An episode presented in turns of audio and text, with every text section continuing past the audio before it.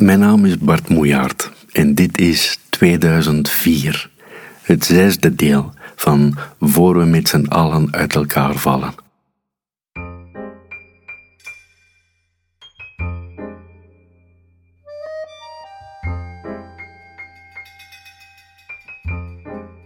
Ik ben voor lezingen in Japan.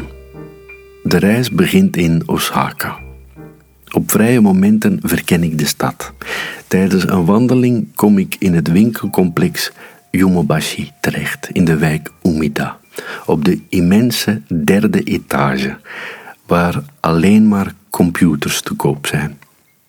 Boven elke computer hangt een opschrift.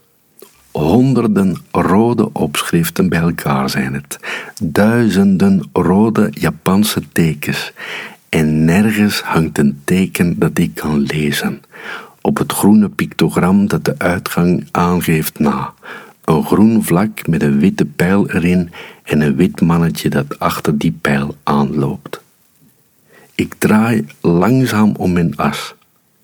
Vanaf mijn voeten stijgt een onbekende opwinding naar mijn kruin. De haartjes in mijn nek staan overeind.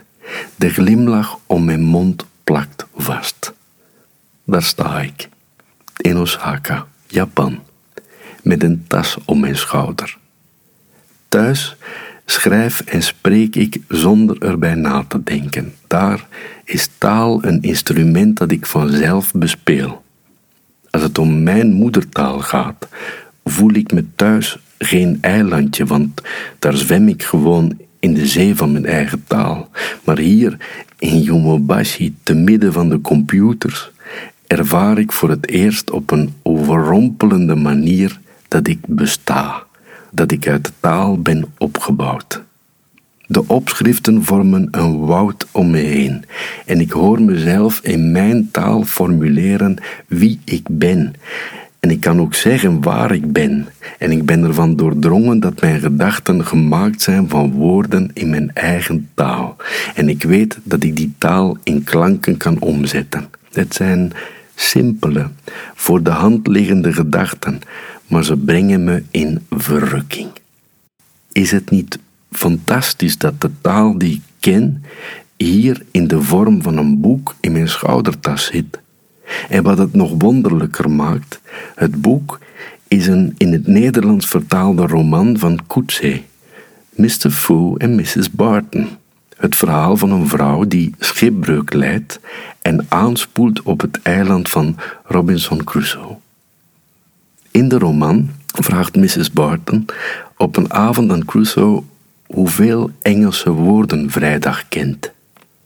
Zoveel als hij nodig heeft, antwoordt Crusoe. We zijn hier niet in Engeland. Wij hebben geen grote woordenschat nodig. Mrs. Barton is verontwaardigd. U doet alsof de taal een van de vloeken des levens is, zoals geld of de pokken, zegt ze. Maar zou het uw eenzaamheid niet hebben verlicht als vrijdag het Engels machtig was geweest, dan zouden u en hij al die jaren de genoegens van de conversatie hebben mogen smaken.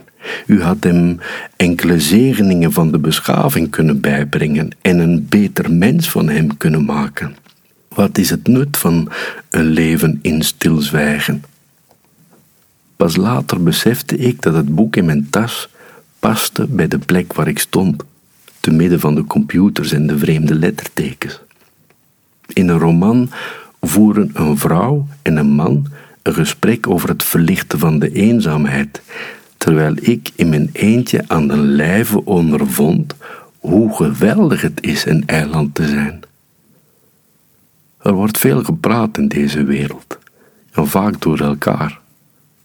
Het gebruik van veel woorden betekent niet per definitie dat we elkaar beter begrijpen of dat er beter wordt geluisterd. De brief van mijn ena oudste broer met de vraag hoe we op de beste manier kunnen communiceren, draag ik al een half leven met me mee en nog heb ik geen helder antwoord gevonden op de vraag hoe communiceer ik goed en eerlijk. Luigi Pirandello laat een van de personages in zijn toneelstuk Zes personages op zoek naar een auteur het volgende zeggen.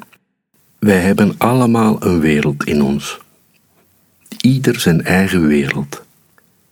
En hoe kunnen wij elkaar begrijpen, dames en heren, als ik in de woorden die ik uitspreek het begrip en de waarde leg van de wereld die in mij is, terwijl degene die luistert er onvermijdelijk het begrip en de waarde in legt van de wereld die hij in zich heeft.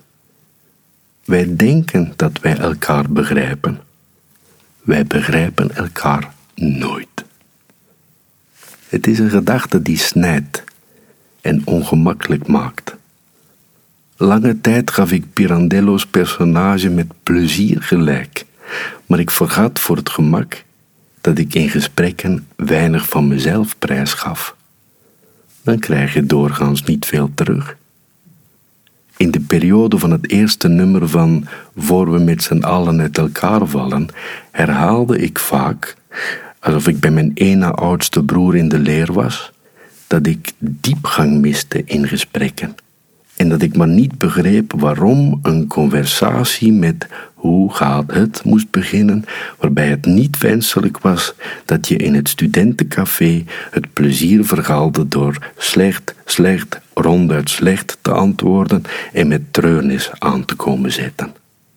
Ik vergat voor het gemak dat ik niet uitblonk in chit-chat en dat ik me die ook niet eigen wilde maken, omdat het gelijk stond aan het oppervlakkige leven, wat een kortzichtige gedachte van me was. Ik moest simpelweg nog leren aanvaarden dat ik me in een gesprek comfortabeler voelde als luisterend oor dan als pratende mond.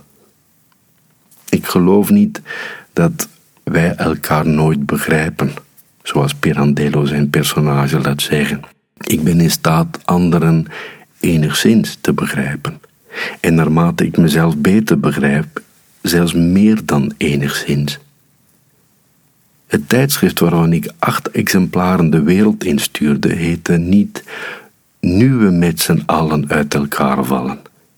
Het heette Voor we met z'n allen uit elkaar vallen.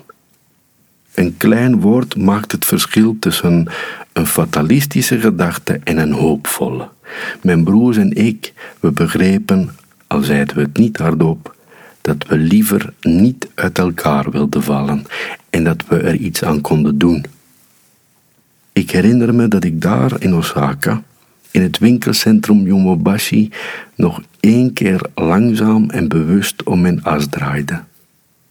Alle rode lettertekens die ik niet begreep, trokken nog één keer aan me voorbij. En daarna liep ik in de richting van wat ik wel kon lezen het groene pictogram met de witte pijl en het rennende mannetje erachter.